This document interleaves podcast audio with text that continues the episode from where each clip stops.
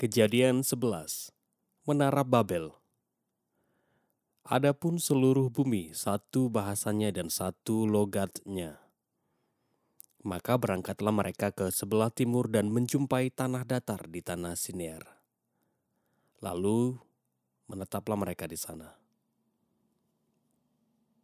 Mereka berkata seorang kepada yang lain, Marilah kita membuat batu bata dan membakarnya baik-baik Lalu bata itulah dipakai mereka sebagai batu dan tergala-gala sebagai tanah liat. Juga kata mereka, marilah kita dirikan bagi kita sebuah kota dengan sebuah menara yang puncaknya sampai ke langit. Dan marilah kita cari nama, supaya kita jangan terserak ke seluruh bumi. Lalu turunlah Tuhan untuk melihat kota dan menara yang didirikan oleh anak-anak manusia itu. Dan ia berfirman, mereka ini satu bangsa dengan satu bahasa untuk semuanya. Ini barulah permulaan usaha mereka. Mulai dari sekarang, apa pun juga yang mereka rencanakan tidak ada yang tidak akan dapat terlaksana. Baiklah kita turun dan mengacau balaukan di sana bahasa mereka, sehingga mereka tidak mengerti lagi bahasa masing-masing. Demikianlah mereka diserahkan Tuhan dari situ ke seluruh bumi, dan mereka berhenti mendirikan kota itu. Itulah sebabnya sampai sekarang nama kota itu disebut Babel. Karena di situlah dikacau balaukan Tuhan bahasa seluruh bumi, dan dari situlah mereka diserahkan Tuhan ke seluruh bumi. Keturunan Sem Inilah keturunan Sem. Setelah Sem berumur 100 tahun, ia memperanakan Arpaksad, dua tahun setelah air bah itu.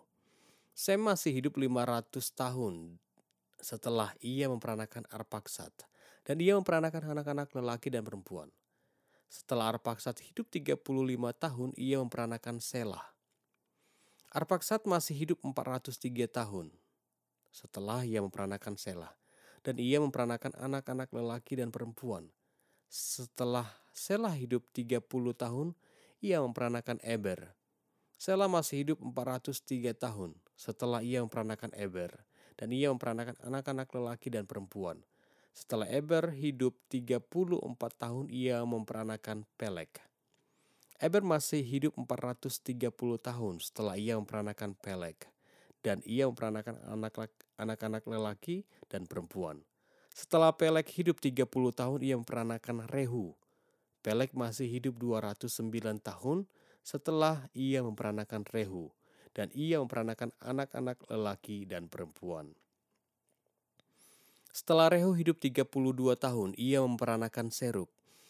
Rehu masih hidup 207 tahun setelah ia memperanakan Seruk dan ia memperanakan anak-anak lelaki dan perempuan. Setelah Seruk hidup 30 tahun, ia memperanakan Nahor. Seruk masih hidup 200 tahun setelah ia memperanakan Nahor dan ia memperanakan anak-anak lelaki dan perempuan. Setelah Nahor hidup 29 tahun, ia memperanakan Terah. Nahor masih hidup 119 tahun setelah ia memperanakan Terah. Dan ia memperanakan anak-anak lelaki dan perempuan.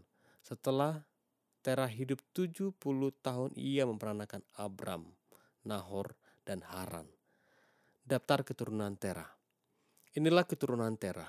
Terah memperanakan Abram, Nahor dan Haran, dan Haran memperanakan Lot. Ketika Terah ayahnya masih hidup, matilah Haran di negeri kelahirannya di Ur Kasdim.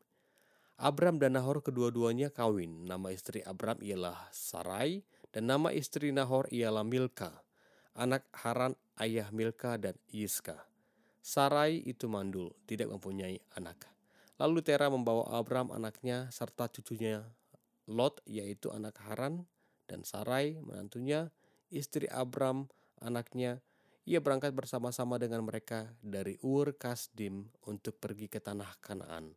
Lalu sampailah mereka ke Haran dan menetap di sana. Umur Terah ada 205 tahun. Lalu ia mati di Haran.